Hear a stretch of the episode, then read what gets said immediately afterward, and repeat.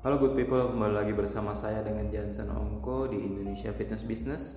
Saya hari ini sedang berada di Surabaya dan akan menginterview salah satu coach yang menurut saya sangat inspiratif dan hebat sekali. Dan langsung sajalah kita Oke, perkenalkan. Perkenalkan diri coach. Oke, eh, perkenalkan saya Ageng, saya fitness coach di Surabaya. Ya, di Fitness Embassy Surabaya yang baru Oke, saja buka baru nih. saja Seru buka ya. Iya. Latar belakang coach. Latar belakang eh, jadi gini, awalnya saya itu eh, bukan fitness coach. Jadi awalnya Saya juga bukan fitness coach.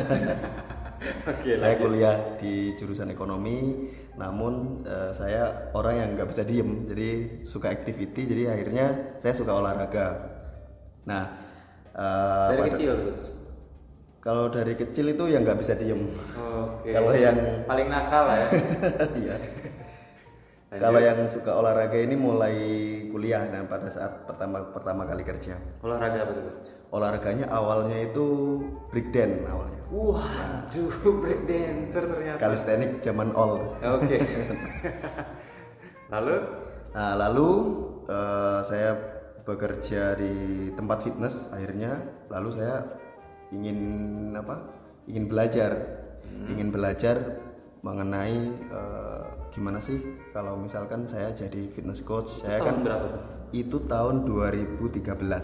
Hmm, kenapa kenapa tiba-tiba ada keinginan untuk menjadi, menjadi seorang fitness coach? Melihat teman kah atau bagaimana? Satu melihat teman, terus yang kedua Fitness coach juga. Eh, sorry, siapa? Fitness coach juga temannya. Oh ya, temennya fitness coach karena kan saya bekerja di tempat fitness. Nah, terus melihat uh, saya Itu posisinya bekerja, waktu bekerja pertama? posisinya saya hanya admin, Admin. admin atau greeter yang kalau ada klien datang kita harus menyapa kayak gitu admin. Saya dulu admin awalnya, lalu saya ingin uh, menjadi fitness coach.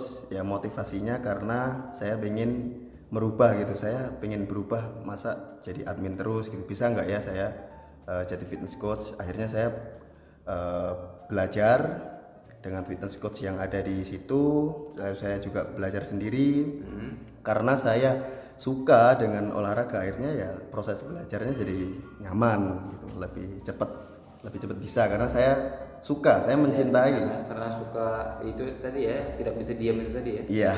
Tapi bukan saya mau membela profesi admin nih. Menurut saya admin juga men- menurut saya ya, Iya. admin juga yang posisi yang sangat penting, di Penting setiap juga. gym. Jadi kalau misalnya dibilang em, apa mau jadi admin terus, waduh. kalau saya sih bilang ya nggak apa-apa juga bagi yang mau jadi admin terus. Yuk lanjut guys.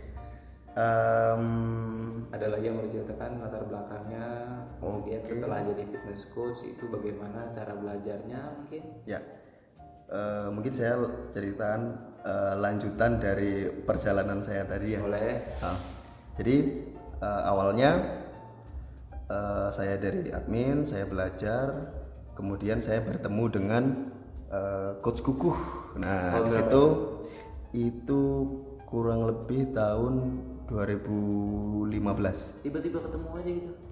Kenal sebenarnya, kenal dari tempat fitness yang lama yang pada saat saya masih jadi admin. Hmm. Nah, terus eh, beliau eh, apa ke- ketemu dengan saya, lalu kita ngobrol-ngobrol mengenai eh, tempat fitnessnya Coach Kuku pada waktu itu. Nah, akhirnya saya bergabunglah dengan Coach Kuku. Nah, Oke. di situ juga saya merasa, oh saya coach-coach yang lain ada yang lulusan dari universitas eh, tentang olahraga. ini.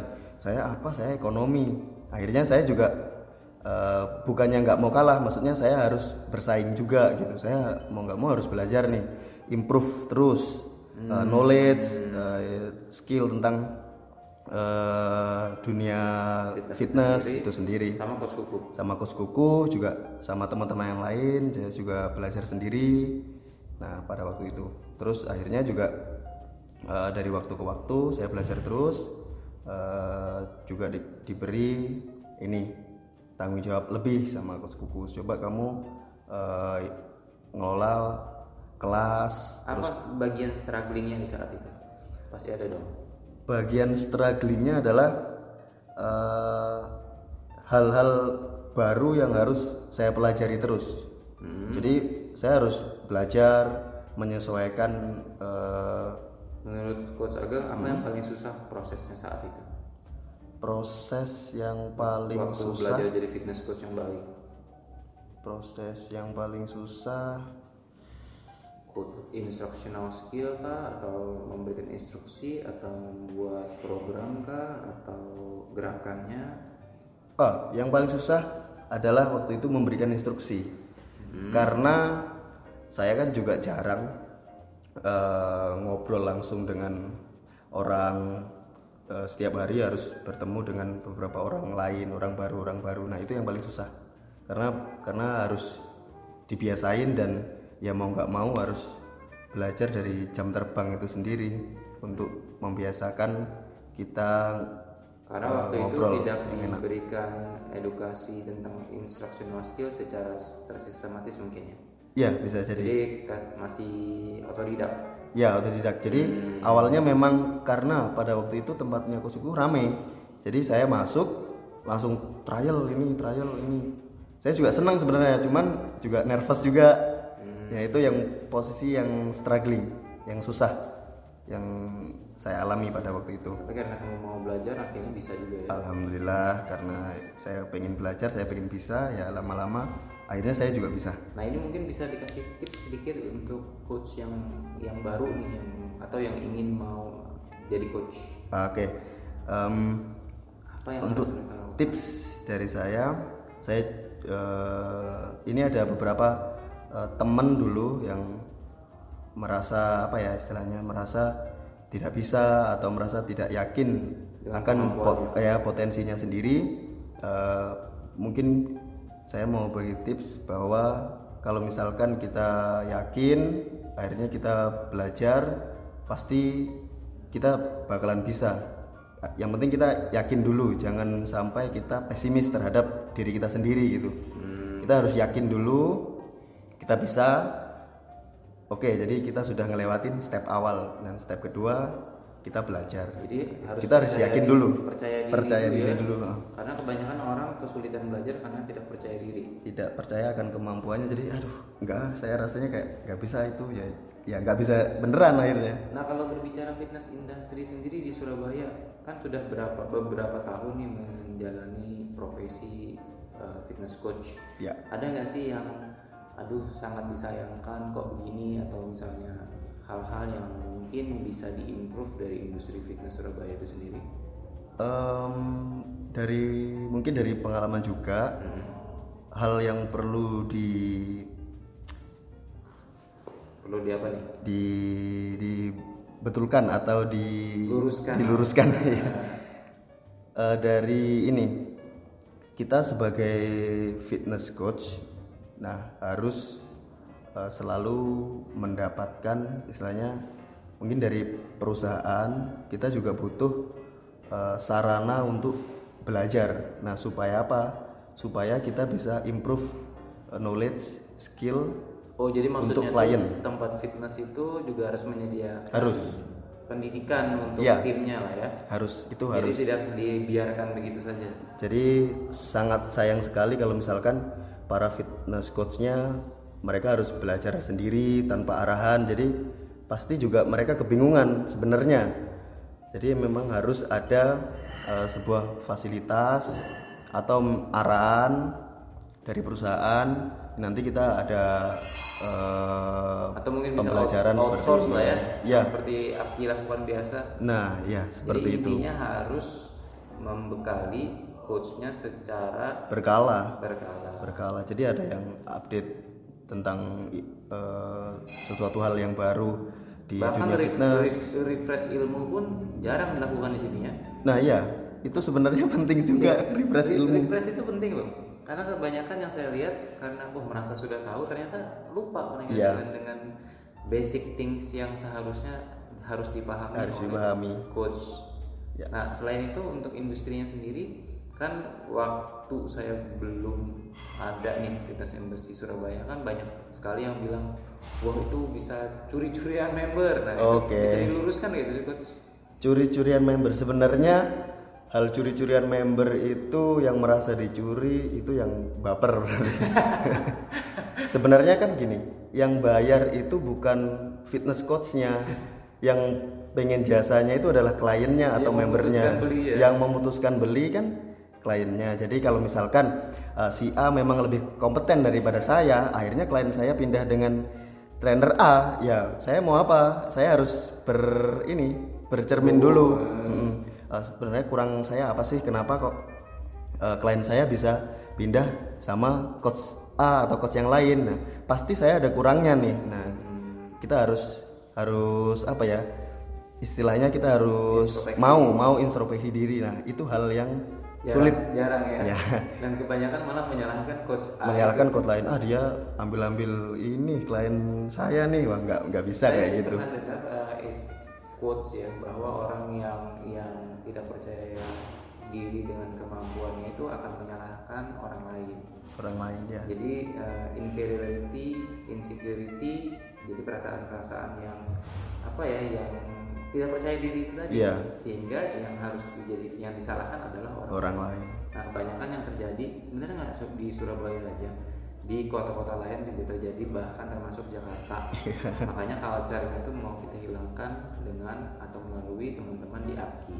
iya Nah ada lagi yang bisa ditambahkan ya coach untuk industrinya atau fitness coachnya? eh ya ini kan beru- eh, apa fitness MC baru di Surabaya Oh ya, ini kan Nah. saya uh, dulu ke coach. Oke, selamat. Ageng Terima kasih. Sebagai head coach. Ya. Nah tentunya apa agenda yang akan kamu lakukan nih kira-kira untuk Surabaya atau untuk tim kamu dulu deh? Eh, kalau untuk tim eh, saya ingin tim-tim saya atau fitness coach yang ada di fitness MC Surabaya mereka bisa berprestasi gitu itu yang saya Hmm. Prestasi pengen. dalam artian apa nih coach? Prestasi dalam artian ya satu pasti mereka harus bisa eh, melakukan tanggung jawabnya sebagai fitness coach dengan baik.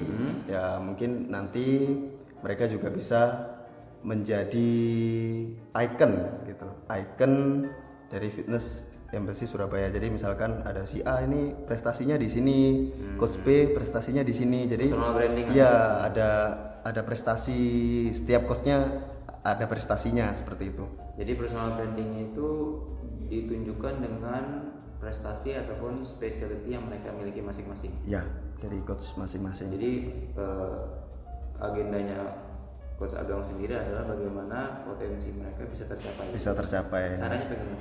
Caranya adalah saya membantu membantu mereka yang pertama adalah meyakinkan ya mentalnya mereka terus yakin mereka harus yakin bahwa potensinya mereka mereka bisa lakuin bis- bisa gapai gitu apa yang mereka inginkan Tapi sadar tidak sadar, sebenarnya di seluruh fitness embassy itu tidak pernah ada yang namanya target penjualan. oh target penjualan Nggak ada sama sekali. Wah. Mungkin coach nggak nggak ini nggak ya apa ya nggak realize ya. Nah menurut coach sendiri sebenarnya eh, apakah satu tempat fitness itu harus punya target atau tidak? Sebenarnya kalau punya target atau tidak tergantung eh, kebijaksanaan dari eh, perusahaan. Namun apabila Pengalamannya coach dulu eh, pengalaman saya ya dulu kalau di tempat pernah fitness dibilang gym ya. ya jadi yang memang yang dinilai itu adalah kalau misalkan kamu bisa jualan banyak ya otomatis kamu jadi fitness coach yang sukses atau eh, bagus gitu. Cuman kalau dipikir akhirnya apakah tanggung jawabnya mereka yang sebagai fitness coach itu sudah eh, terpenuhi? Nah, pertanyaan di situ. Jadi Jadi bagaimana nanti eh, coach sebagai head coach Ya. sendiri akan menilai kesuksesan dari timnya? nah untuk Apa yang akan coach lakukan? Jadi cara saya untuk menilai fitness coach yang ada di fitness embassy bukan dari eh, seberapa banyak mereka jualan atau seberapa banyak kliennya mereka, namun lebih ke tanggung jawab mereka sebagai fitness coach. Apakah mereka sudah men- melayani kliennya dengan baik, tanggung jawabnya ya seperti. SOP-nya sebagai fitness coach itu apa sih? Nah, gimana mereka bisa menjalankan itu dengan baik Nah, seperti itu. Hmm, jadi mereka mau belajar mereka punya prestasi di bidang kebugaran. Itu sebenarnya hal yang perlu diapresiasi tanpa mereka "Bu, bulan ini ya jualan 60 juta eh, sebentar eh, sales atau fitness coach. Nah jadi ya sebenarnya kita juga harus mampu menjual diri kita tanpa ya, akhirnya salah juga persepsinya Jadi jualan tuh maksudnya jualan sesi, bukan jualan Bukan jualan- branding dan kemampuannya ya. ya jadi ya saya biarkan mereka berprestasi biar klien sendiri yang mau membeli jasanya mereka tanpa kita eh yuk beliin yuk ini kita ada diskon eh, yuk beli sesi sama kita yuk kita malah, malah memper apa ya merendahkan diri sendiri Iya. jadinya. Kalau misalnya jualannya seperti sales gitu. ya sayang banget gitu loh biarkan eh, klien eh, memakai jasa kita karena eh, kita berkompeten di eh, bidang fitness ini gitu biar seperti itu Ada lagi bisa di-share coach?